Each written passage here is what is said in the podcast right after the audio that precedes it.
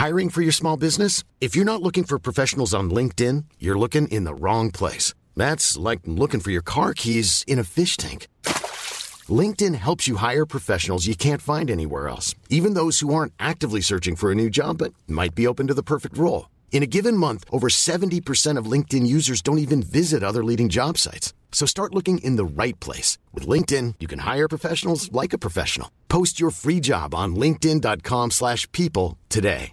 Hey, it's Ryan Reynolds, and I'm here with Keith, co-star of my upcoming film, If, only in theaters May 17th. Do you want to tell people the big news? All right, I'll do it. Sign up now and you'll get unlimited for $15 a month in six months of Paramount Plus Essential Plan on us. Mintmobile.com slash switch. Upfront payment of $45 equivalent to $15 per month. Unlimited over 40 gigabytes per month. Face lower speeds. Videos at 480p. Active Mint customers by 531.24 get six months of Paramount Plus Essential Plan. Auto renews after six months. Offer ends May 31st, 2024. Separate Paramount Plus registration required. Terms and conditions apply if rated PG.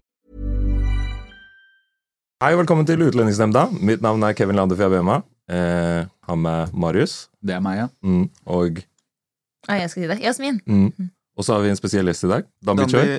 Choi heter jeg. Du klarte ikke å bestemme deg om du skulle si det eller Nei. ikke. Nei, jeg jeg er eh, så heldig at jeg har blitt eh, invitert hit. Da. jeg er redaktør i en kulturavis som heter eh, Subjekt.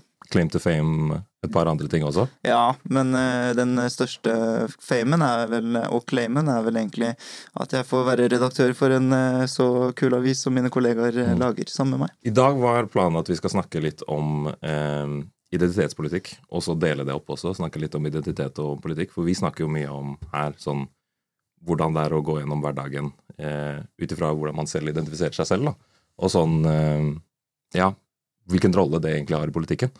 Eh, men uh, ja, jeg vet ikke. Hvordan, uh, hvordan stiller dere dere til DMA, egentlig? Altså identitet, er det noe dere tenker på til daglig, eller er det bare sånn helt integrert at this point? Om jeg er integrert?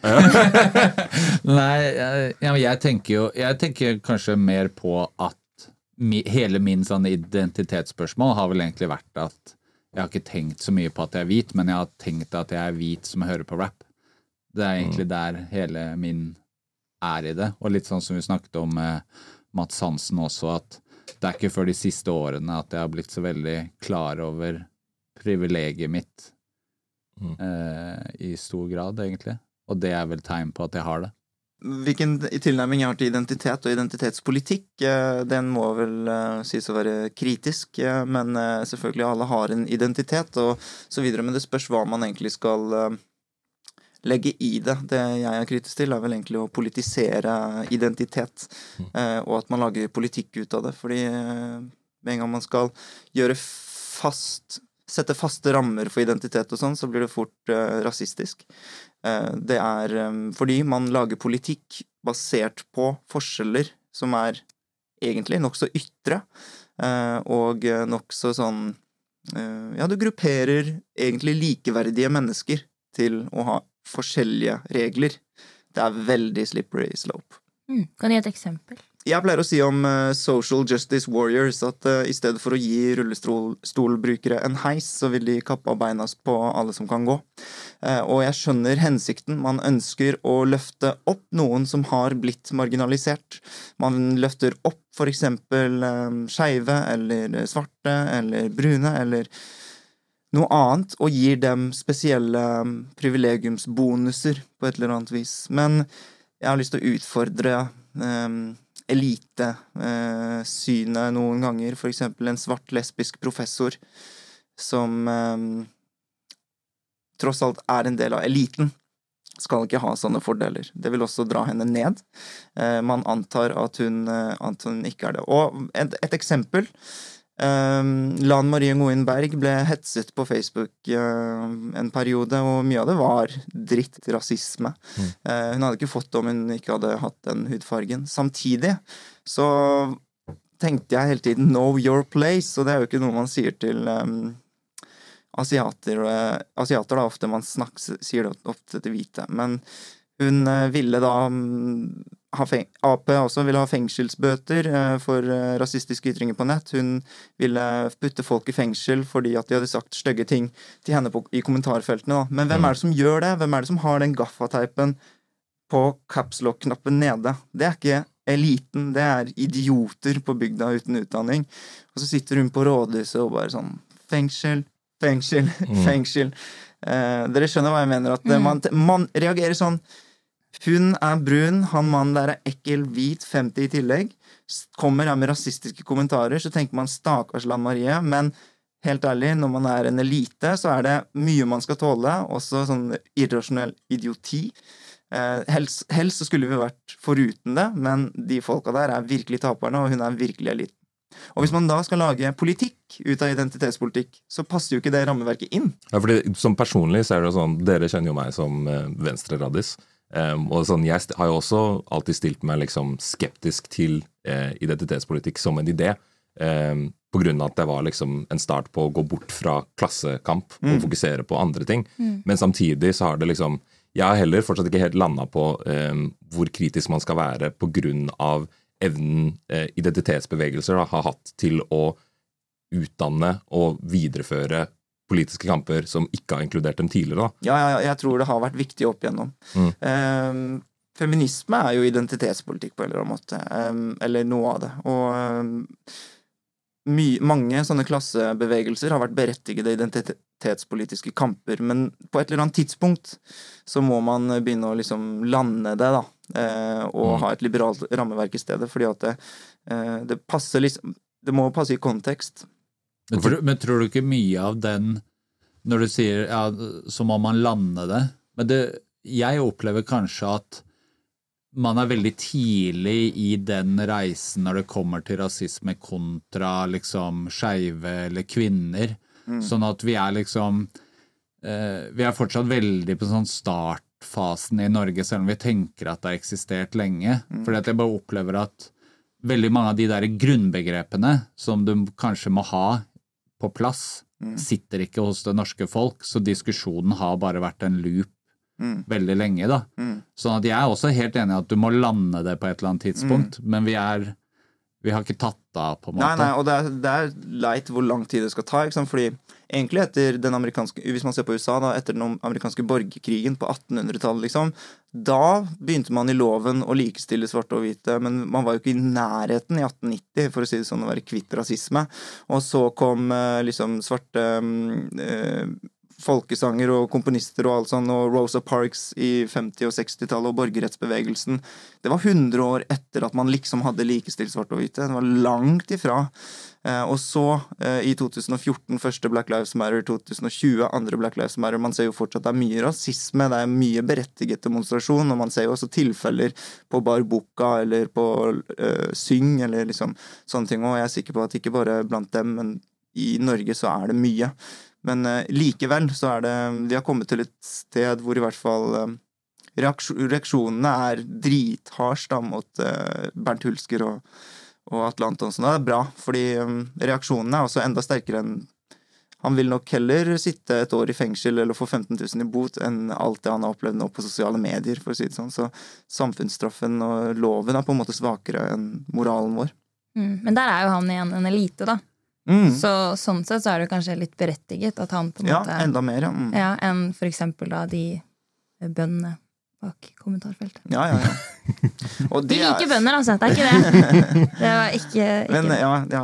Mm. Jeg også, men jeg, jeg, Ja, han- det er jeg, bonde er, her. jeg, er jeg er fra landet. Men, Men det skal sies at sånne ting ofte får et klasseaspekt uten at man ønsker det. Fordi man tenker bare hvit mann putt i fengsel, men egentlig det, er, det blir fort sånn man tenker sånn, Han er stygg i trynet, han kan ikke skrive engang. Vet ikke hvordan han setter punktum engang. Skriver alltid capslock. Idiot. Det er egentlig klasseforakt, da, også. Ja. det er lett å sitte i eliten og, på, og være på SV-fakultetet på UiO og være sånn venstreraddis, da, men egentlig være nokså elitistiske eh, mot alle de som eh, ikke har utdanning, og som eh, Ja, Det er egentlig virkelig absolutt. taperne i samfunnet, er jo de kommentarfeltkrigerne. Ja, og det er jo ofte, ikke sant, når du ser noen, så er det en eller annen sånn al alkis som sitter utenfor Parkteatret og så skriker N-ordet, Mm. og så skal man lynsje den personen i sosiale medier, og så er det sånn ja, den personen, den selvstraffen som allerede eksisterer her, er jo på en måte ja, Han Mm. Ja, har ja. tapt før vi har begynt, så det å henge ut er jo og, og det er jo kanskje, når vi begynte den podkasten her også, så er det jo litt grunnen til at jeg trykka meg inn selv, var jo for å ønske å ha det perspektivet at veldig ofte når sånne diskusjoner eh, pågår, så blir det veldig en sånn Oslo-boble, og man har Oslo-perspektivet. Og så kan det bli sånn ja, vi, også de hvite, og så kan jeg være sånn Det å vokse opp i arbeiderleilighet der hvor jeg har vokst opp, og det å vokse opp i blokk på Stovner er ganske likt, fordi det er et klassespørsmål, og det grunn Sånn at da må man veldig ofte liksom endre hvordan man tenker at ok, gutter er taperne. Og om det er eh, en eller annen på Stovner i Moncler-jakke som lager gangsterrap, eller om det er en som sitter og er keyboardkriger i Umbro-genser der hvor jeg er fra, så er det det samme liksom, grunnene til at de havner i de situasjonene. At det er noen paralleller, liksom. Ja, at det veldig ofte er klasse. Veldig ofte når jeg hører på diskusjoner, så tenk, når det liksom går til rasisme eller går til sånne ja, identitetspolitikk, så sitter jeg ofte og tenker nå diskuterer dere klasse. Det at du gjør at du ikke at du, er, at du er fattig, eller at du ikke har utdannelse, eller det ene eller det andre er sånn Ja, det her er et klassespørsmål. Og vi fikk en sånn kommentar på TikTok eh, på en video jeg la ut fra den podkasten her, så var det noen som skrev ja, men utlendinger de slåss jo så mye. Så er det sånn, der hvor jeg er fra, der slåss man over en lav sko. Det har ikke noe Men det er en utfordring som gutter har. Altså, det er jo et testosteronproblem og, Og jo tettere man plasserer folk, Ja. ikke sant, Mm. i uh, drabantbyer og Men ja. Mm. Men jeg tenker også at jeg er veldig enig på det dere sier også, men det er jo det er liksom det med å finne den balansegangen i om at ehm, På en måte, ja, så, som man sier, at det er de bak kommentarfeltet som ikke har så mye tid og Eller at de har kanskje for mye tid, da. Mm. Um, til at de kan sitte der og drive med hatkommentarer og sånn og sånn. Og sånn, og liksom hvordan um, Det er vanskelig å vite hvordan man på en måte kan gjøre noe med det, fordi igjen så innskrenker jo det um, svarte, for eksempel, da, som Sumaya, mm. til å ville ytre seg igjen, da. Så som etter første uh, Black History Month så spurte um, i det om jeg kunne skrive Aftenposten ville ha liksom en sånn recap. Mm. Um, det var Aftenpostens side, og da var jeg jo 21, jeg tror grensa var på 22. At man kan skrive på side. Og da skrev jeg, um, da skrev jeg en artikkel, veldig kort. Uh, og redaktøren da, han, var bare, han overkjørte meg helt. Han bytta alt. Han uh, satt på sånn Hele poenget handlet liksom om uh, demonstrasjonene. Eh, så jeg hadde skrevet om hvordan det påvirket meg, og eh, mye av sånn angst og panikk jeg hadde fått i løpet av den perioden. Fordi man bare Ja. Uten å gå inn der, for da kommer jeg til å begynne å gråte. Men eh, eh, Og istedenfor å på en måte vinkle det om til å handle om min opplevelse, så vinklet han det om til å være sånn eh, Danmark-Norge har hatt koloni, slavetid du, du, du. Altså, Forsidebildet var liksom 'Dette var en tidligere dansk-norsk koloni', bla, bla, bla. Så var jeg sånn 'Hei, kan du ikke ta med det?' For det er ikke det jeg har skrevet. Han ba, ja, men jeg tenkte det var bedre. Jeg har brukt lang tid på å finne det bildet. Så var jeg sånn, ok. Og så hadde han sendt meg redigeringen av artikkelteksten min, og jeg var sånn, jeg kjenner ikke igjen meg selv. Hvis, hvis noen hadde vist meg den artikkelen, hadde ikke jeg sagt at det var jeg som hadde skrevet den. den, den det var så redigert. Um, og så var jeg på jobb, så jeg hadde ikke tid til å svare, så han uh, publiserte den bare. Og antall meldinger av uh, menn som sendt, liksom, som uh, skulle skolere meg om slavetid og om Norge. De fant meg på Facebook. De sendte meg så mange meldinger. 'Jenta mi, nå skal, jeg, nå skal du lære, nå skal du sånn og sånn og sånn.' Og jeg bare Jeg gråt så mye over det. Det er ikke mine ord. Jeg får kommentarer på ting jeg ikke har skrevet engang. Og da tenkte jeg sånn Jeg skal aldri dele en tanke i offentligheten noensinne etter det. Mm. Jeg skal aldri skrive for noen. Ingen skal få lov til å liksom få noe skriftlig fra meg og bare redigere det som de vil. Og da, sant, da, Det er folk som sitter med den følelsen, da, at liksom, de leser kommentarfeltene og ser liksom alle ganger etniske minoriteter får tyn for å Altså, det var typ Jeg har sett uh, hatkommentarer på en som er sånn 'Jeg syns det er vanskelig med idrett i skolen fordi jeg har astma.' Altså, og så er det sånn 'Ja, drittsekk, dra tilbake til landet ditt'. Sånn- Skjønner du hva jeg mener? At det, det skrenker så sykt mye inn, det òg, da. Og det er veldig vanskelig å liksom vite hvordan man på en måte skal Jeg vet ikke. Finne den balansegangen med at hvordan kan vi skape et rom hvor alle føler den tryggheten med å ytre seg, men også at man blir holdt ansvarlig for å innskrenke andres, på en måte. Mm. Jeg vet ikke. Jo, jo, det er, det er jo egentlig det mest relevante spørsmålet av alle, liksom. Men, eh, og sånne som meg vil jo mene at man skal tåle mer, mens eh, andre mener at Eller sånn helt Jeg får så mye av den dritten. Eh, og eh, jeg skjønner det er lettere sagt enn gjort, men Eller nei, det går an å prøve å skjønne for seg selv også hvor idiotiske Altså Det her er et litt dårlig eksempel, da, fordi han, du er jo blitt redigert, og du Mm. Ja, står ikke for ikke sant, lenger. og det her, her, er- her burde jo Aftenposten beklage masse til deg. Det høres ut som vi skal invitere han til Ja, ja, samtale. Ja. Men, men Kan du eh, tro det? Sånn, jeg brukte lang tid på å finne det bildet, faktisk. Så jeg er veldig fornøyd med det. Det, det var svaret jeg fikk tilbake. så skal man også prøve å sette, plassere seg litt over dem, ikke sant? fordi de folka der ehm, ja, det er jo bare dritt, liksom. Man må jo faktisk bare se bort fra det, og kommentarfelt noen ganger. Ja, Ja. fordi For deg i offentlig debatt, liksom, er det, er det sånn du, du dealer med dem? Når, Ja, ja, hele tiden, Du, Det er, eller, altså, det er jo fullt opp i innboksen hele tiden, eh, og jeg får jo både dritt fra høyre, og venstre, og rasister og antirasister, og støtte fra rasister, så blir det sånn Kjefta, du er ikke Jeg vil ikke ha noe med deg å gjøre, egentlig. Men, eh, men, eh, og motsatt, så det blir sånn um, Ja. Man føler seg jo litt sånn alene, og det eneste som funker, er egentlig å ikke, ikke ta seg nær av de greiene, fordi at de aner jo Ja. ikke hvordan de skal oppføre seg.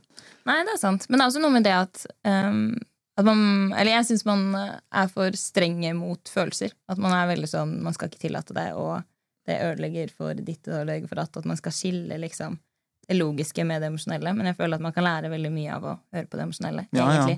Altså, det, er jo, det- er jo riktigere at de skal høre på deg, enn at du skal Sånn som når mitt råd er du skal tåle det, så Mm. mener jeg ikke sånn at det, de, de har mer rett enn deg, så du må tåle det, men det er mer sånn det er mest konstruktivt. Liksom. For egentlig sånn hvem som har mest rett og min støtte og sympati, er jo helt klart deg. Det er jo de som tar mest feil. Men, men eh, det som skader mest, er ikke at um, Og det som, det som skader mest og koster mest, er jo at vi skal prøve å endre, vente på at de endrer seg. Ja. Ikke sant? Absolutt. Det som skader minst, er at vi fortsetter å um, ikke bryr oss om dem. Mm. Og så er vi jo inne Det er jo nytt for mennesker å måtte deale med at hele verden Ja. Mm. skal kunne mene, mene noe. Altså tidligere, når liksom det satt De karene kanskje satt på kafeen på lokale kjøpesentre og snakket om den samme artikkelen, så har de nå tilgang til å sende alle tankene til deg. Og det er jo Menneskehjernen har ikke utvikla seg på tusenvis av år, og det her skal du plutselig bare kunne de, Hjernen din skal bare kunne prosessere det. Og jeg har det jo kanskje motsatt, at jeg sitter og er sånn Jeg kommer fra en bakgrunn hvor hvis noen snakka sånn til meg, så det Skulle jeg ta det fysisk, på en måte? Jeg skulle møte opp på døra di. Og så tar jeg meg selv i å tenke at jeg har lyst til å dra hjem til bruke 3, 7, 4, 5, 6, og så er det egentlig en 13-åring i, i Hammerfest som jeg har lyst til Det er jo bare helt absurd, og det er jo mer det der at emosjonelle mot logiske, og at Ja. Det er Ja, men det, det trekker jo en uh, skikkelig ned. Det er sånn, Noen ganger så hiver jeg meg på sånne Twitter-debatter så- eller noe sånt, altså, hvor det er bare idioti og anklager og sånne tilbakemeldinger som du får, da. Men det er jo helt dust. Man legger seg jo på samme nivå. Hvis man begynner å henge seg opp i det da, og begynne å krangle med dem og sånn. Så man uh, burde jo bare overse det. Ja, men jeg tenker spesielt um, for typ Side og andre sånne aviser som på en måte har for yngre, da. At uh, kanskje de spesielt burde bli skjerma. Ja. Og man vet liksom for eksempel, Jeg tror The Guardian også har på en måte en type side. Men der er det sånn, hvis det er minoriteter som skriver kanskje spesielt om- sånne temaer som er veldig personlige, så stenger de av kommentarfeltet. Mm. For det er sånn, her er det barn alder tolv Mm. fra liksom og At de er tolv år gamle. De skal liksom prøve å skrive og skriver om en egen erfaring. Det, er, det er ikke noe Man trenger ikke et kommentarfelt hvis en tolvåring snakker om hvordan det er å ha gym. på en måte. Nei, nei, nei. Så det er liksom også litt det å liksom å la folk få lov til å prøve seg frem uten det trykket, spesielt i en ung alder. da.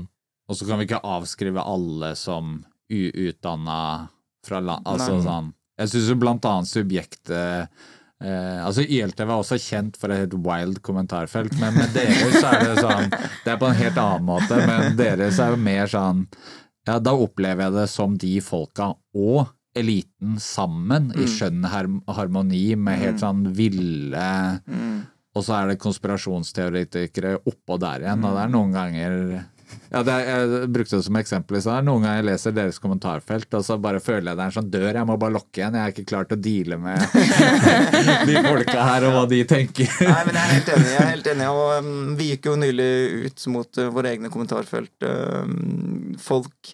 Men uh, det, var, det, er, det, er jo, det er jo selvforskyldt. Da. Det er jo fordi vi ikke vil stenge det. Men det er mange gode grunner til å ha kommentarfelt òg. Det er noe helt annet når man snakker, med, snakker om barn. Og noen ganger så stenger vi til slutt. men men eh, i et kommentarfelt så kan man jo kritisere selve mediet. Man kan kritisere journalistens faktafeil, man kan kritisere faktafeil, og noen ganger så svir det jo. Det koster jo å være i offentlig debatt. Eh, og man kan, eh, man kan rette fakta, og man kan få utblåsninger for egentlig liksom, Selv om det er irrasjonelt, så er det, skal det være lov og greit. Eh, og sånne ting. Og så ønsker vi å ha det åpent, men noen ganger så går de over stokk og stein. Det er sånn hun må deporteres, f.eks. om Sumaya eller Vi sletter jo med en gang vi ser det, og vi eh, blokkerer også brukeren hvis han eller hun gjør det feil gjør det to ganger, men, eller mer enn én en gang. Men eh, det, eller noen ganger bare på første gang. Men, men eh, det er kjipt om de skal få lov til å bestemme om kommentarfeltene skal være åpne eller ikke også. Eh, Vi har jo 200 000 i hvert fall innom uh, i måneden, Um, og sikkert når flere på Facebook. Men de som kommenterer, de er jo maks 200 folk. Jeg tror også 200 er en overdrivelse. Men 200 av 200 000, husk at det er ikke en prosent av leserne våre engang. Det er en promille.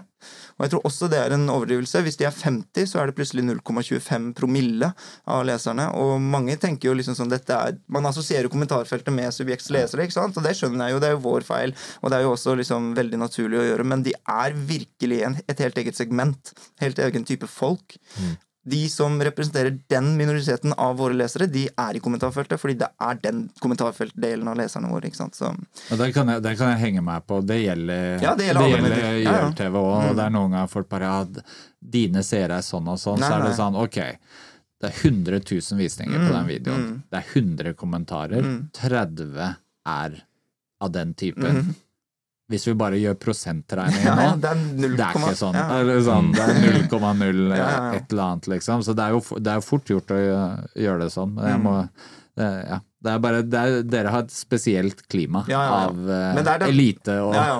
Men det er, jo fordi vi går, det er jo derfor vi også går inn i en del sånne betente debatter. ikke sant? Og der, der vil det være en eh, ja, folk som eh, overkompenserer. Men jo, for det, det lurer jeg på, da. Også når, fordi jeg føler ofte at kommentarer ender opp og liksom sånn det, Vi har en måte vi snakker om hvordan liksom den offentlige debatten er i Norge, og sånn internasjonalt også at this point hvor eh, vi hekter oss på hvordan liksom det står til rundt om i resten av verden.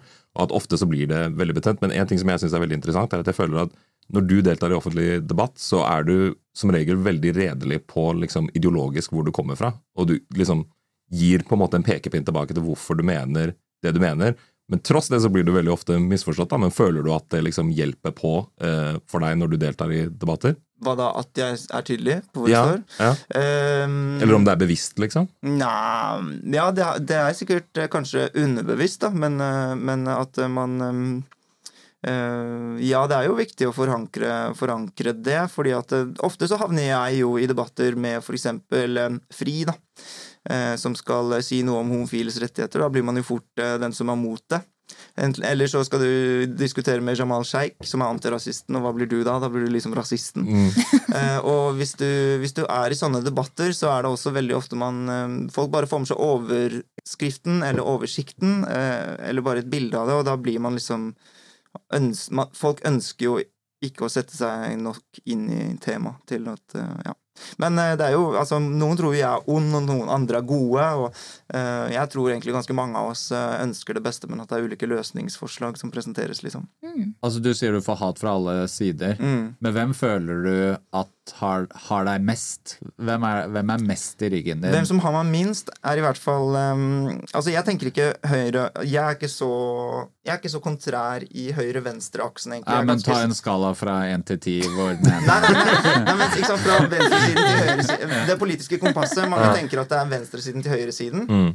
Men det er også en uh, vertikal akse som er Autoritær og- liberal og autoritær. Mm. Og her er jeg ganske, ganske radikalt liberal. Mm. Uh, så jeg er ganske De, de er imot, da, er uh, alltid de mest um, autoritære.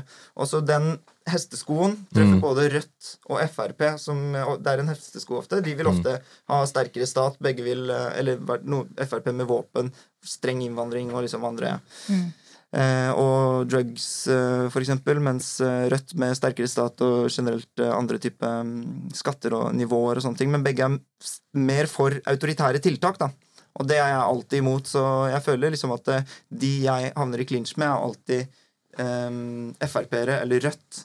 eh, eller liksom de mest radikale på venstresiden eller de mest radikale på høyresiden. Så de jeg får mest støtte fra, er egentlig de i eh, sentrum eh, av den aksen, og som er liberale. Og så mener jeg liberalismen har et eh, imageproblem, da, som er liksom eh, du har markedsliberalister, som jeg ikke bryr meg så mye om, men jeg har, jeg har liksom verdi, jeg er verdiliberal. Frihet er liksom det øverste målet. Mm. og Derfor er jeg også mot eh, identitetspolitikk, fordi at eh, jeg syns eh, den rammer veldig inn hva folk skal være. Da, da jeg havna i en eller annen debatt, så var det noen som sa om meg at jeg var en ulv i fåreklær. Et, et kinderegg hvit inni sort utenpå. eh, Eller et eller annet sånn. Og mm, det er jo egentlig den største rasismen jeg er blitt utsatt for. Fordi jeg er brun, så skal jeg representere dem. Um, Jeg har ikke noe Det rammer meg veldig inn, da. Frihet for meg er å, frigjøring for meg er å bryte ut av de rammene og kunne Jeg har lyst til å være redaktør, jeg har ikke lyst til å slåss mot andre innvandrere i et eller annet, i en egen liga. Jeg har lyst til å kjempe i en redaktørliga, og det er jo også sånn identitetsspørsmål, ikke sant. Men for der er et spørsmål, fordi eh, Nå husker jeg ikke hva temaet var på den debatten, men det var et, eh, en gang hvor du var på debatten, så var det en eh, Jeg tror det var sam... klippekort, men ja. Mm, ja. Eh, jeg Jeg tror, var der nå nettopp i stad. ja, there you go. Eh, Jeg tror det var eh, en samisk museumsdirektør. Og så tror jeg på et tidspunkt så sa du kan du ikke være museumsdirektør, hvorfor må du ikke være samisk museumsdirektør? Men er ikke det litt opp til henne også, liksom sånn i det liksom Mm. den er liberale tanken også, at, at hun Mm. putter identiteten inn i hvordan hun tilnærmer seg jobben? Jo, jo, jo, selvfølgelig skal hun få lov til å være det, men jeg tenker også samtidig at eh, jeg har vært på Henny Jonstad, eksempel, som har vist en del eh, svarte kunstnere i det siste. Jeg har aldri vært på en utstilling med svarte kunstnere som er eh, vist som ikke har handlet om det å være svart. Jeg tror vi er eh, likestilt den dagen svarte kunstnere ikke presenteres som om det bare er fordi at de er svarte at de er presentert. Eh, og så um, enkelte For eksempel Oka hadde et sånn arrangement hvor det, hvor det bare hele greia var at de kommer på et sånn en hvit hest og skal redde minoriteter. Og så tenker jeg alltid sånn Ellers takk, koloniherre. Vi, vi, skal, jo, vi skal jo være vi, vi må, Kan ikke vi lage Kan ikke vi være med i debatter om strømpriser? Kan ikke vi være med i debatter om helt vanlige ting? da? Og den eksotifiseringen som skjer, den kommer ofte fra de mest velmenende antirasistene som ønsker sant, å løfte opp og løfte opp og løfte opp. Og så er det sånn Mm. Nei, Men det har jo vi snakket om før også, at liksom om, om dette her og eh, hvor frustrerende det kan være at du på en måte Det er jo en ramme man blir satt inn i. Mm. Eh, men at, sant, at det er ikke nødvendigvis det at man ikke skal måte, ha utstillinger hvor det bare er svart kunstnere, men at også på et sånn institusjonsnivå at det skjer forandringer. For Problemet er jo når det ikke er noen minoriteter i eliten på et eller annet sted i en eller annen kunst eller, eller annen, annen si, virksomhet i seg selv. Da blir det bare sånn da, da, Og du ikke har en tilknytning til det på et naturlig vis, eller at du ikke har oppsøkt det fordi Altså, Hvor mange svarte kunstnere lærer du om når du, leser, når du har kunsthistorie på UiO, f.eks.? Det, det, er jo ikke- det er jo ikke representativt i det hele tatt. Man lærer jo ikke om det. Og da er det jo liksom For å på en måte kunne bryte inn, så må man jo starte ett sted. Mm. Men jeg er absolutt absolutt gjennom, enig i det. Men jeg tenker det er eh, gjennom argumenter. Og, I hvert fall når det gjelder pensum og sånn. Mm. At man, eh, man må sta Jo, man må, eh, altså, man må starte et sted Hvis det gjelder pensum, så må man jo begynne å utfordre em, pensumet. Og Mm. foreslå ikke sant, hvor denne stilarten kom fra. Er det egentlig svarte, eller er det ikke sant? Avkolonisering har noe for seg noen ganger. Men, men det må gjøres ordentlig. Man kan ikke bare si at eh, nå er 70% av pensum hvitt, og derfor Eller 90% og derfor det er ikke grunn. Man må jo liksom prøve å irettesette fakta. Ja. Eh, ikke sant? Så det er ikke, man kan ikke i antirasismens navn prøve å sparke en professor fordi han eller hun er hvit. Han eller hun har jo ikke, kan jo ikke bøte for Nei, andre og det blir jo for så vidt ikke gjort heller, da. Jo, på KIO var det jo sånn. Faktisk. Nå er det 90% av um, professorene er hvite. det må vi gjøre noe med. Det øh, skjønner jeg at man ønsker å gjøre noe med, men du kan ikke sparke en person pga. hudfargen hans eller hennes i antirasismens navn. Må, I så fall, Hvis du vil avkolonisere, så tenker jeg du må bidra med f.eks. fakta. Nå, nå, undervises det i en um, For eksempel jeg prøver å avkolonisere historien om uh, Gutenberg, som er mannen som liksom fant opp boktrykkerkunsten. Det gjorde man i Kina mm. 500 år mm. før han. Og da kan du ikke si Da må du ikke si han er hvit, og derfor sier jeg det. Du må jo mm. være smartere enn det. Du må jo si han Se, samme boktrykkerkunst, 500 år i Kina. Slutt å si han var første. Mm. Ja, for det er alltid sånn én setning. Du har en hel pensum-artikkel om hvem som var den første. Ja, så, så var det sånn, De gjorde det også i Kina. Ja. Dette ble derimot også gjort flere. Men det, men det slår meg at det er jo en del sånn prosesser som at det må være et sted midt imellom, som jeg mm. føler som regel svaret på sånne spørsmål ligger. da, Fordi du må jo kvotere litt Du må tvinge igjen Det må være litt sånn vi må ha den ubehagelige fasen for å komme til, mm. til det der utopia vi snakker om, fordi at og eh, at hvis du endrer skoleboka, så kommer jo resultatet om 10-20-30 år, på en måte. Den indoktrineringa mm. ved å endre pensum eller endre på den måten. Mm. Da er det ganske lenge til det, det kommer noe. Hvis og, og, så er det jo opp til en lærer òg. Lærer kan jo velge å ignorere pensum Det er ganske mange hinder på en måte da, mm, mm. for, å få, mm. for å få den inkluderinga. Eh, så et, en kombinasjon av på en måte kvotering og, og, argumenter Jeg er helt enig i at det finnes noen steder hvor kvotering kan være legitimt, og på noen tidspunkter. Noen er vi forbi, eh, som jeg mener. men men uh, man kan ikke bruke de overalt og uansett. Det er noe man må For, eksempel, for, å, for å få um, fortgang i prosessen, da. Hvis noe er på vei til å endre seg, f.eks. roller i Hollywood, og så kommer Oscars nå og sier at um, for å vinne beste film, så må du ha så og så mye um, representasjon i castingen din, eller i, rolle, eller i produksjonen. Uh, og egentlig så er den endringen i ferd med å skje av seg selv og så gjør man likevel sånne kvoteringsgrep som jeg syns uh, er dumme, da. Mm. Uh, som kommer for sent. Også fordi at um, kunstnerisk frihet er en stor verdi i seg selv. Og hvis regissøren Det burde komme fra regissørens eget ønske. Der er vel kanskje problemet større at man lager film om Egypt, og 90% 95% er hvite, på en måte. Det er ja. et større problem i Hollywood enn ja, at det finnes gode skuespillere fra alle etnisiteter. Ja.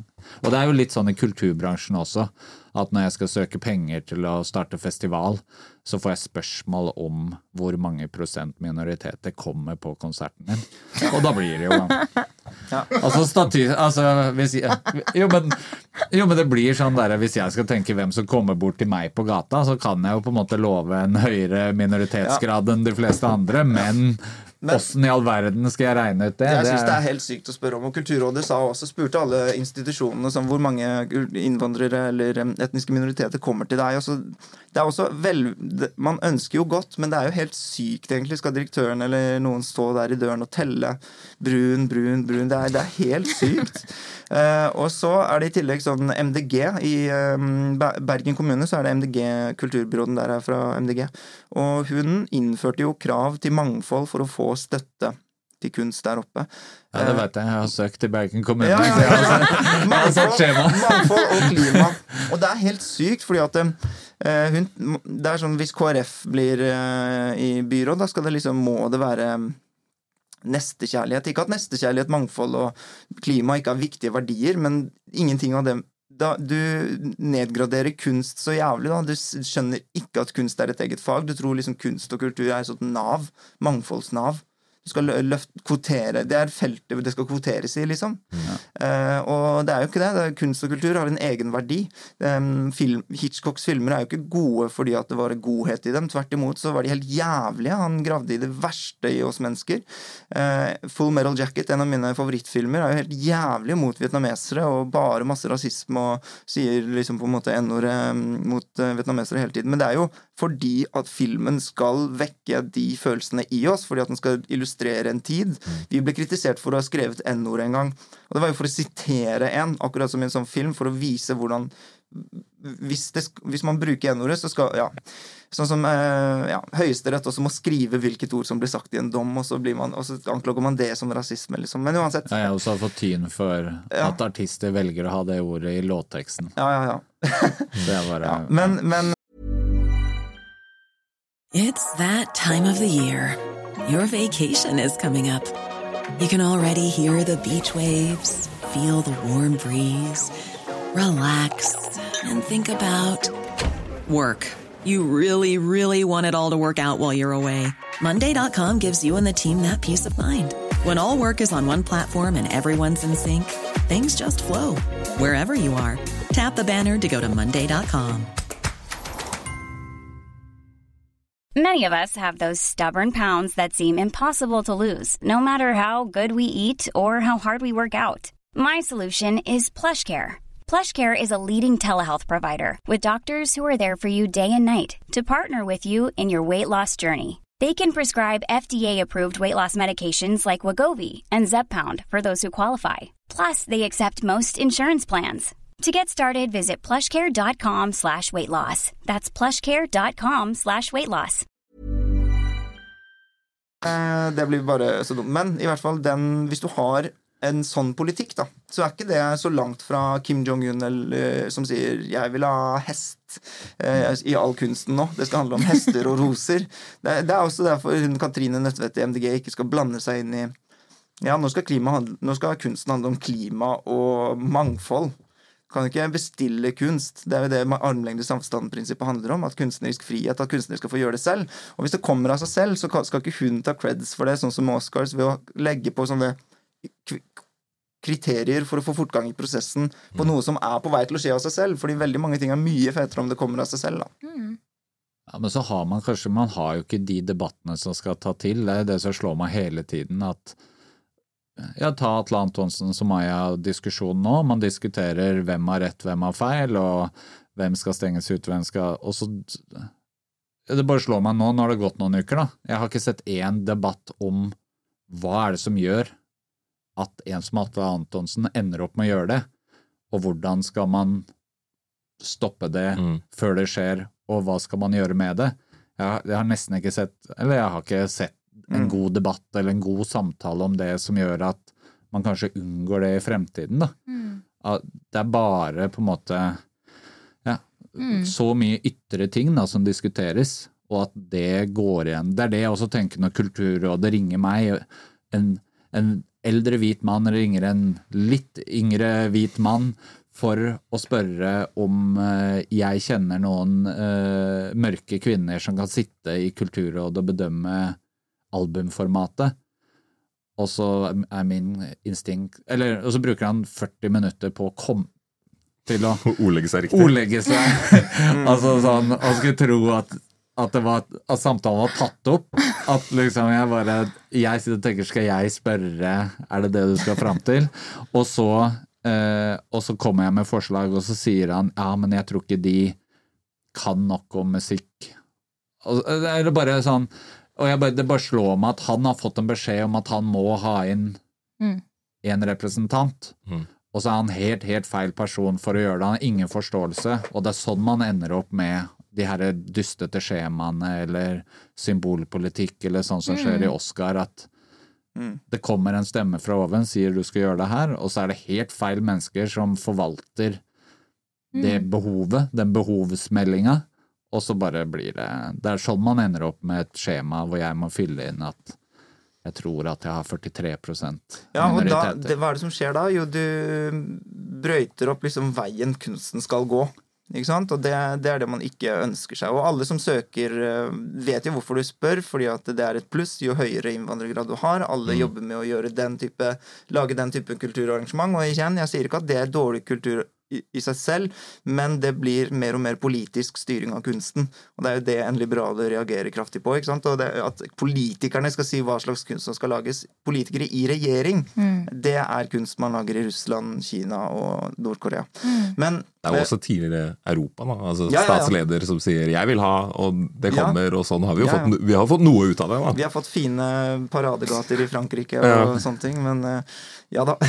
Ja, men også noe med det at det løser jo på en måte ikke problemet. Kanskje Nei, det med nei. kvotering at, um, at det er så mange arbeidsgivere der ute som tenker hvordan skal vi få innvandrere til å skrive flere bøker? Hvordan skal vi få flere um, ditt og datt inn på disse forskjellige institusjonene? Så tenker man ikke sånn, men ok, men hvorfor er det ikke så mange minoriteter for eksempel, som søker seg inn til disse tingene? Til å begynne med. Mm. Er det kanskje mangler i ressurser? Kanskje, det er, kanskje man skal innføre noe der, eksempel?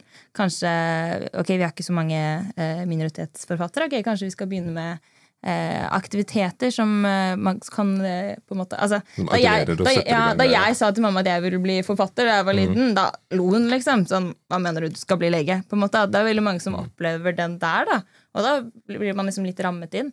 Men det å liksom eksempel da komme med sånne type tilbud fra en ung alder kan jo hjelpe folk til å vet du Kanskje jeg kan være kunstner, faktisk, for nå har jeg vært på etterskoleaktivitet og har lært å male. At man også kan på en måte At jeg håper å si, eh, kvoteringen og alt dette det trenger ikke skje på det nivået. Man, man kan gjøre det allerede mye før, da. Og Ja, ja. lage den spacen mye Og før. Det syns jeg er mye bedre. Ja. Fordi at eh, Hvis du gjør det på talentnivå og toppnivå, da funker det ikke. Da, da må Mm. jo talent vike. Og, eh, altså noen ganger. Mm. Hvis du ser på mm, det franske eller engelske fotballaget eh, franske landslaget eller eller engelske fotballklubber, så er jo ikke svarte der fordi at de har kvotert inn. Ingen av de klubbene der har råd til å tenke ah, han hvite er god, men vi må ha en svart til, så ingen som har råd til å tenke sånn i de ligaene der, for å si det sånn. Og så hvis du bare ser etter talent, så skal du se at det blir mangfold. Folk er gode. Det er liksom men, men, eh, men, hvis du begynner, men i kunstverden så ser man ikke sånn. Eh, man eh, på toppnivå kvoterer, og det er ikke bra. Man skal løse klimakrise, boligkrise, krig, de problemene her i verden. Du må slutte å se på hudfargen til folk, og faktisk bare se etter talent og den beste hodekapasiteten. Sånn, han som fant opp um, Pfizer-gründeren, innvandrer fra husker ikke, til eh, jeg tror det er Tyrkia eller noe sånt, til uh, Tyskland.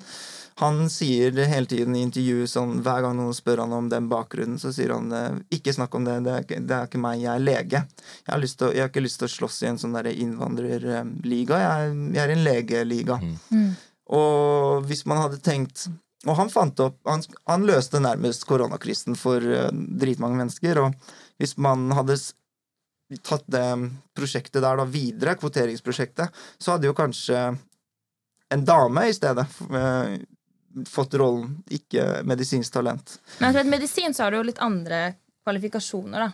Men også Så sånn det blir jo på Ja, en men jeg mener også at Hvorfor skal man ha kunstteoretikere, kunstkritikere, kunsthistorikere hvis de ikke er ytterste til å velge kunstnere til å komme inn i samlinger? Og i, Men jeg tror der er mye problem at, de på en måte, at man er veldig vant til å kun se på europeisk kun- eh, kunst i en europeisk kontekst, og at kanskje problemet ligger mye i dem, da, at de kanskje ikke har like stor på en måte, forståelse for verden rundt og forskjellige typer kunstformer og forskjellige typer um, Ja, det har jeg også reagert på, at liksom, hvorfor må minoriteter alltid lage minoritetskunst?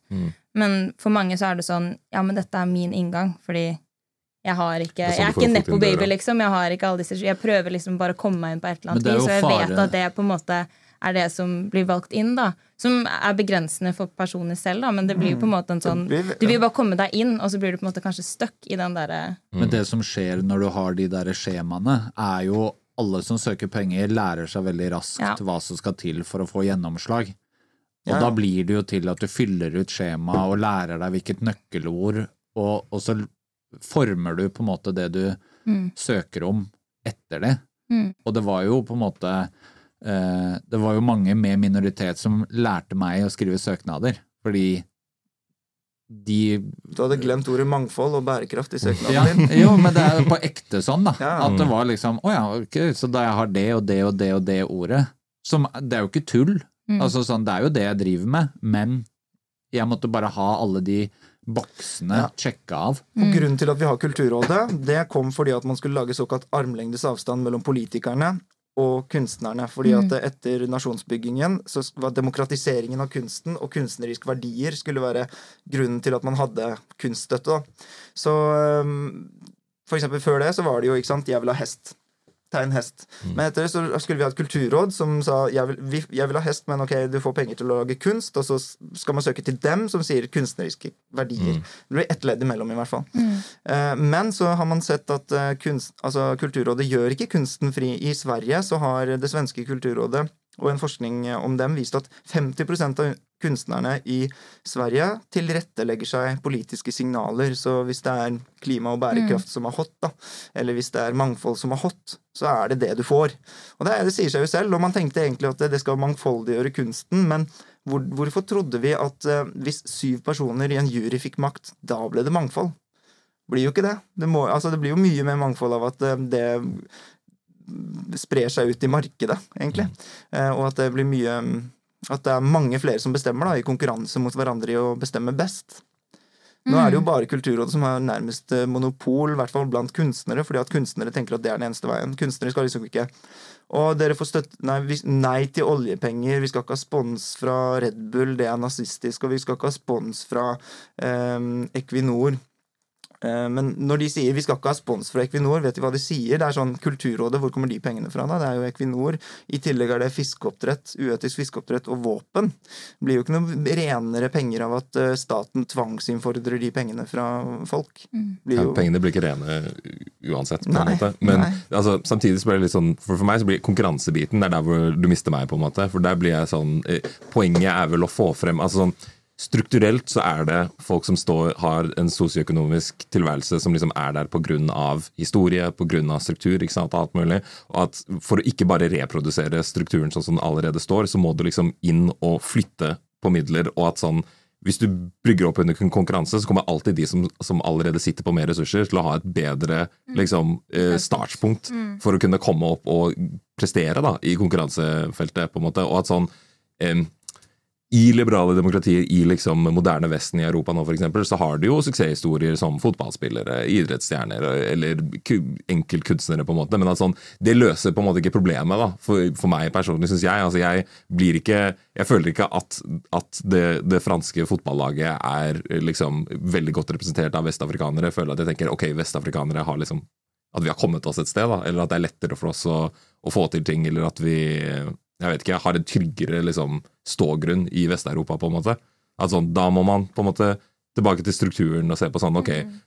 hva får man hjelp med i liksom, tidlig alder? For hvis alle starter Hvis folk begynner med liksom, å ha personlig fotballcoach eller sånn Du, ser det ikke like mye fotball fordi det er et såpass stor idrett med så mange spillere på banen samtidig, men du ser det jo liksom ski, tennis, altså liksom individuelle idretter hvor det er sånn Det er kids som har hatt eh, trenere og lærere siden de var liksom tre Ernæringsspesialister. Ja, ikke sant? og- Mm. Så at liksom, da blir det da, har ikke du det? Det ikke sant? Men det, man vil jo gjerne altså selvfølgelig man vil jo gjerne at alle skal ha privatlærere og ernæringsfysiolog. og liksom alt mulig sånn der, Det hadde jo vært supert. ikke sant? Men at hvis man uh, grunner det i konkurranse, at det er liksom det som gjør det verdt å investere i det, så blir det liksom, uh, da er det ikke noen grunn til å prøve å hjelpe andre å få det også. altså Da blir det liksom at man ressursene igjen hoper seg opp på ett sted. Ja, men eh, ja, det stemmer nok, og fotball er nok en, eh, et ytterpunkt. Men eh, samtidig så liker jeg å sammenligne fotball og kunst, fordi at hvis man eh, hvis man tenker at kunsten skal inspirere minoritetsmennesker også til å delta, så må man gjøre det mer attraktivt. Og jeg tror at det der ønsket om at bare fordi at jeg ser en koreansk kunstner, så blir jeg, blir jeg mye mer opptatt av å lage kunst, er en sånn snarvei som egentlig når et mye mindre mål enn om man ikke kvoterer og bare ser på talent. da. Det er rent talent som er grunnen til at vi blir sånn wow må, um, oppslukt av å ønske å bli fotballspillere. Sånn Cristiano Ronaldo som briljerer. Eh, Og det tror jeg også med kunsten, at det samme hudfarge, egentlig, men hvis vi ser en eller annen kunstner som bare er sånn wow, så er det mye mer inspirerende enn å se en, sånn- en um, annen kunstner bare pga. ens hudfarge. Da. Så jeg tror egentlig at fotballen er bedre til alt det som kunsten sier å liksom være god på, som f.eks. mangfold. Se hvordan fotballen mobiliserer alle i hele klassen på østkanten og på vestkanten. Se hvordan øh, den selger billetter. Øh, altså uavhengighet, som kunsten ikke klarer. Se hvordan den eh, finan... Ja, det er utrolig mange sånne målverdier som kunsten liksom skal være god på, men som fotballen egentlig er bedre på ved å utelukkende fokusere på talent i stedet for hudfarge. Men det er også sånn du får Fifa, da. Ja, At Det er jo på en måte at med en gang det er fri konkurranse og Så da kan du jo si at da går det fra syv folk i Kulturrådet til å være tolv folk i Fifa. Og jeg bare syns at mørket som kommer ut av fri flyt i Fifa, er mye verre enn Ja. Kulturrådet. Ja, Men for fotballens stilling og kunstens stilling, så, er det jo, så har jo fotballen det ganske mye bedre. Hvis du er kunstner, da, så er det mm, Det er ikke folk som liksom tjener masse penger på å finne deg. Liksom, det sitter liksom godt voksne karer på enhver fotballtribune på ethvert uh, half decent lag og plukker liksom de talentene og sørger for det. Og i fotballen så har de jo på en måte nå, all, Mye av det som har skjedd i Fifa, er jo fordi noen mennesker fant ut at ok, hvis jeg får Afrika og eh, Sør-Amerika på min side, eller det var vel kanskje Kariben og Afrika, så blir jeg president i Fifa, på en måte. Eh, og fotballen har jo også funnet ut at hvis jeg sender talentscouts til enkelte regioner med lavere klasse, så kan jeg tjene mer i kontrakter og kuppe talenter og Det er jo mye av det der som kommer med at det er liksom penger og fri flyt, enn på en måte en eller annen sånn statlig, da. Så det er liksom Derfor er nok jeg også mye mer eh, Ja, at vi må, vi må inn og kontrollere litt. grann. Det må man, og jeg tenker også eksempel um, Sånn er det i medieverdenen nå, at uh, man må ha en god statlig konkurrent som NRK, for eksempel. Man blir jo veldig klikkorientert, eller Som også er viktig, da. Jeg tenker at medienes Et av hovedoppdragene er å nå massene, liksom, men, men vi får jo ikke um, spilt noe jazz da, liksom, på, um, på radioen, om ikke NRK Jazz gjør det, eller eh, klassisk, eller dekke kunstanmelderi, selv om Subjekt gjør det, så um, er det jo viktig at NRK også gjør det. Det er jo en helt annen debatt, da, men NRK har jo blitt ganske de, de, de tenker jo og beveger seg som en kommersiell aktør Mer og mer. ja. mer og mer. At liksom, når jeg begynte i musikkbransjen, P3 var jo på en måte litt raddis, litt Det var liksom Der turte de, de turte å liksom spille ting som bråkte, og, og de kunne liksom de spille en rolig poplåt, og så plutselig var det noe trash metal rett etterpå. De var ikke redd for at folk skulle skru av radioen. Nå er jo det det verste som kan skje på jord, på en måte. Eh, og jeg jobba Jeg leverte radioinnhold både til Radio Energy og til P3, og det var alltid det jeg syntes var behagelig å jobbe med P3, var at jeg visste at her kunne jeg på en måte hvis jeg som kurator tenkte at å, denne artisten her kommer til å bli noe stort, så kunne jeg spille og prate om det. Mens i Radio Energy så var det sånn du kan ikke spille noen eh, ikke mannen i gata har hørt om. Og nå har NRK det er ganske likt. Hva er for, de starta MP3 for å ha en eh, kommersiell versjon av P3, men det er jo helt lik spilleliste. Og det, og det er jo også på en måte på grunn av politiske føringer at politikerne har begynt, ikke sant. Fordi eh, NRK får kritikk for å bruke masse midler på liksom smalere greier, og, og så kommer de kravene om at ja, men dere, det må være seere, det må være, det må være suksess og suksess, og det må være målbart. Og den derre ideologiske NRK-tanken, den er jo ikke målbar eh, på den måten.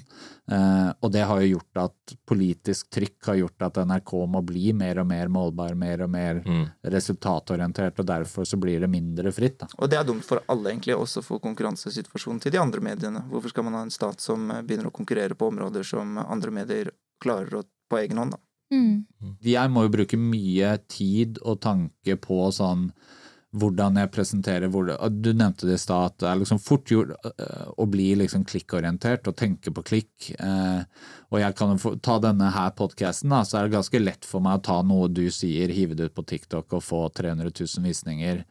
Eh, og så må jeg liksom ha en veldig bevisst tanke om at jeg kan ta én provoserende ting, og så kan jeg ta en eh, et godt argument, og så kan jeg få Sånn at jeg må hele tida tenke at jeg må balansere ut det jeg klipper ut, eller det jeg pusher, og at jeg må ha en ja, i hvert fall en bevisst tanke. Det er ikke alltid at jeg følger, eh, men jeg skal i hvert fall ha en bevisst tanke når jeg blir spurt. Men hvordan tenker du om det? Fordi Noen ganger så har vi eh, noen eh, skikkelig kunstfilosofiske tekster som eh, vi tenker er viktig, men eh, det er ikke sånn at man Det er litt egoistisk òg, om man eh, faktisk alle medier bare hadde hatt en sånn tilnærming til det. Dette er viktig, så hadde klikkmedier kommet, da. Sånn Resett eksisterer fordi at det, jeg mener at det, de føler seg ikke hørt. Så sånne ehm, eh, medier vil alltid dekke sånne hull, eh, men eh, det tror jeg kommer ganske automatisk. Men noen ganger så har vi sånn kunstfilosofiske tekster som er, vi syns er viktige, men som andre ikke syns er viktige. Da bruker vi jo midler for å ta, bruke det provoserende, eksempel, på toppen. Og så bare siler vi dem gjennom, og så har vi egentlig lurt dem til å lese seg opp på japansk kunstfilosofi, liksom. Eh, men så starter jo, men japansk kunstfilosofi har jo masse for eksempel, nakenhet, for eksempel, og eh, kroppsvæsker og masse sånne ting. Og det, det tenker jeg er en sånn kul måte. Og hvis du virkelig vil at folk skal lese seg opp på kunsthistorie, så er jo det en måte å få dem til å engasjere seg på. Kan jo være bra. Men øh, hvordan vi balanserer det Jeg syns egentlig det er, alt vi skriver om er viktig, og derfor er det en greie at man ønsker at øh, det skal være lettlest, forståelig, ja, tabloid. Fordi du er jo en person som jeg ofte er uenig med, men Mm. som jeg respekterer. Mm. Men noen ganger så syns jeg kanskje at det er en, en brist mellom noe av det du mener og noe av det du publiserer, og ikke det at Jeg ser jo de gangene, og nå, nå kaller jeg deg subjekt, da, men nå er dere jo mange, Mm. men jeg ser jo Jeg kjenner igjen jo en strategi når jeg ser en, at ok, det er smart, den overskriften er smart, den er provoserende, du får liksom klikk, du får eh, Og at eh, grunnen til at jeg spurte i stad om hvem du føler har ryggen din, så er det jo sånn Jeg henger jo med mye venstreposisjonerte folk, og de har jo helt klart et problem med deg, eller du er den store, stygge ulven, på en måte. Og så opplever jeg kanskje at de til høyre syns det er veldig befriende fordi du, at du er veldig sentrum, gjør at det er veldig behagelig for de å høre på, fordi mye av det du sier kan vris i deres retning, mye mer kanskje enn venstre, da. Og så opplever jeg kanskje at, ja, at subjekt ah, Vi slipper til en del høyrestemmer fordi det får traction, det får lesninger, og litt sånn som du sier, vi fyller et hull her på en eller annen måte, sånn at vi får Det syns jeg er viktig, da. Ehm, er, altså, hvis f.eks. for eksempel målet er å bekjempe ekstremisme eller bekjempe Resett, så er jo det eneste å gjøre det måten å gjøre det på Folk klikker fordi vi liksom har Resets kommentarfeltfolk i våre kommentarfelt, men jeg syns jo det er dødsbra om vi klarer å få dem til å lese godt journalistisk håndverk i stedet for dårlig journalistisk håndverk. Eh, Og for eksempel, hvis du ser Senter for ekstremismeforskning på UiO har sett nærmere på viktigheten av eh, høyrepopulistiske partier. Eh, Alle europeiske land med høyrepopulistiske partier har mindre sannsynlighet for høyreekstrem vold, fordi at ytringsfriheten fungerer som en ventil. De føler at de blir hørt.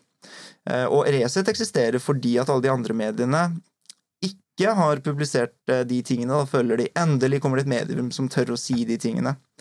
Så jeg tenker at det er viktig. Og, det, og så gjør det jo vondt, fordi at vi Um, du sier det er en strategi om man kan uh, hva som er smart og gi klikk og sånn, men det er jo ikke bare smart. Det gjør jo at eh, folk blir sinte på oss og sånn også. Det koster jo. Så det er ikke, det er ikke bare derfor. Jo, men, man, men det er jo mer det der at når det kommer til en størrelse, og det vet jeg godt, så du blir jo på en måte tvunget til å tenke sånn.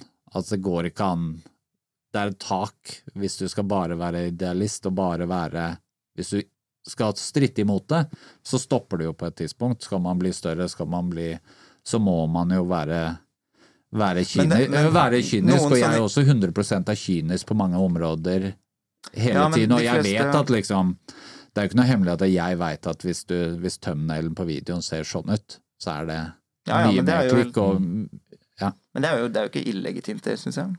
Det er bare medie... Jo, jo, men, jeg bare, men sant, det er det jeg ville høre, og jeg tror også, jeg er også helt enig med det du tenker, at slippe til stemmer og slippe, og det er det på en måte jeg ønsker med denne podkasten også, at man kan ha de diskusjonene, og som vi har snakket om, Kevin, at jeg jeg bare tror at det er, klimaet er sånn nå fordi det bare er kontinuerlige ytterpunkter, og man har ikke de samtalene. At det er det som er frustrerende, og det er det som gjør at det blir trykkjele. Jeg er helt enig. Man må jo snakke om de tingene. Det var derfor jeg bare ville høre hvordan tenker du i forhold til det? For det er noen ganger jeg også, når du sier sånn ja, vi må stenge kommentarfeltet, og så har du jo hatt det kommentarfeltet Du har jo på en måte dyrket det, også når det blir for voldsomt. Så på lik linje med meg, da, som har på en måte dyrket eh, videoer med unge minoritetsgutter som lager gangsterrap, på en måte, og så kommer det til en sånn trykkjelepunkt hvor at oh shit, nå må vi nå må vi endre på det, nå må vi kurere. Og så har jeg kanskje opplevd at du har hatt litt den derre ja, men vi gjør noe viktig, eller vi gjør noe riktig, så det er ikke et problem. På lik linje som på Arendalsuka, når du ble profilert, også, eller raseprofilert, og så eh, har du jo kanskje gitt inntrykk at det er ikke noe som angår deg tidligere. Ja, men, det, grunn, men grunnen til at jeg Jo, men uh, Og nå bare tar jeg opp ting som jeg vet folk sier om deg, sånn at ja, ja, du kan svare til, på det. Men, eh, men, grunnen til at uh, jeg tok opp det Jeg syns det er en tankefeil å tenke at Jeg har jo aldri vært sagt at det ikke finnes etnisk profilering. Jeg har jo alltid det um, går liksom ikke opp i hodene til folk, da, fordi Danby er imot identitetspolitikk, og derfor uh, ha-ha, driti ut, han ble etnisk profilert. Hadde jeg tenkt så enkelt, så hadde jo det var jo min idé å gå ut med den historien. Og jeg tenker jo at grunnen til at identitetspolitikere er sinte på meg, er, eller ler av det, er jo fordi at uh, identitetspolitikk er jo etnisk profilering. Er jo, jeg er imot det prinsippet. Mm. Så, så, når jeg er imot etnisk profilering, og de tenker ha-ha, han var jo imot identitetspolitikk, han er jo rasist, derfor er det jo morsomt at han blir utsatt for rasisme. Men poenget mitt er å prøve å belyse at um, altså identitetspolitikk er en form for etnisk profilering. Det er at du er svart, og derfor skal du ha sånne, sånne privilegier eller ikke. Du er mann, og derfor har du sånne privilegier eller ikke. Du er hvit. Jeg har aldri hørt om en hvit mann som ligger ved dødsleiet og Tenk, hvis han har vært eh, syk hele livet og uh, altså, har vært mobbet Jeg tror det er mye verre å være um, rødhåret og stygg og homofil enn å, enn å være svart og kul. Uh, jeg syns ikke identitetspolitisk rammeverk funker. Uh, og i det hele tatt så Problemet med det er at den sant, etnisk profilerer. Jeg tror, ja, for, for, meg så er det liksom Jeg ser noen For det er derfor noen ganger med hvordan du legger opp kritikken mot det, så er det sånn Ja, ok, der har du et poeng.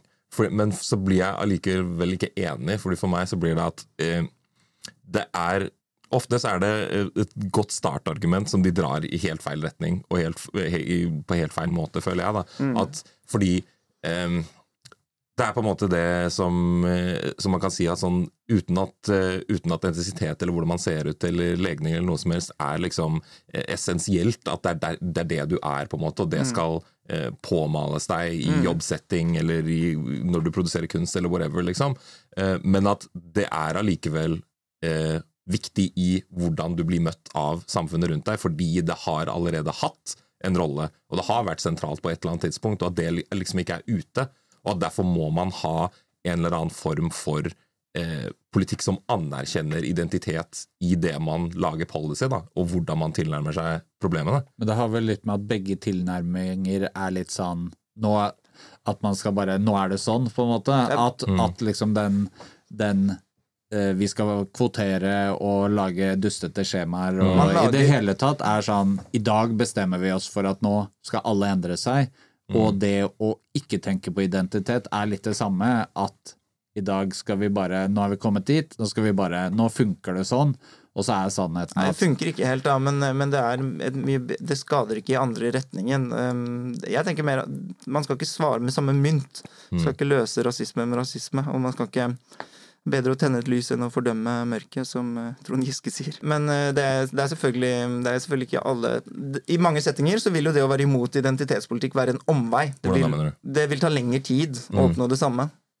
Men øh, ja, Det var det jeg mente i stad. Ja. At jeg mm. tror at hvis du da gjør begge deler, og så har, er litt mer nyansert, mm. så kommer man kanskje dit. Ja, men poenget er også det at ting skal være vanskelig noen ganger. ikke sant? Og det er ikke sånn at løsningen er i luftlinjeavstand fra der hvor man står. Man må liksom hvis Du, du kan ikke, ikke sant, putte alle mm, med liksom litt rasistiske holdninger eller noe sånt i livstid i fengsel. Du kan ikke, du kan ikke løse alle problemer sånn. Mm. Eh, og det finnes i stor og liten skala. Men jeg mener at som liberal så er det liksom sånn du skal gå noen omveier. Liksom. Må, for å komme deg til det målet, så må du liksom ha ytringsfrihet, vitenskapelige metoder, faktabasert debatt. Sånne, man må gå noen sånne omveier, liksom. fordi at um, hvis du bare går rett over det, så mister du ganske mange kjempeviktige prinsipper da, i samfunnet, og som, eh, og som, ikke kan eh, Som hadde vært helt sinnssykt å påføre andre veien. og den den uh, smakfullheten må man ha mens man uh, kjemper kamper, syns jeg.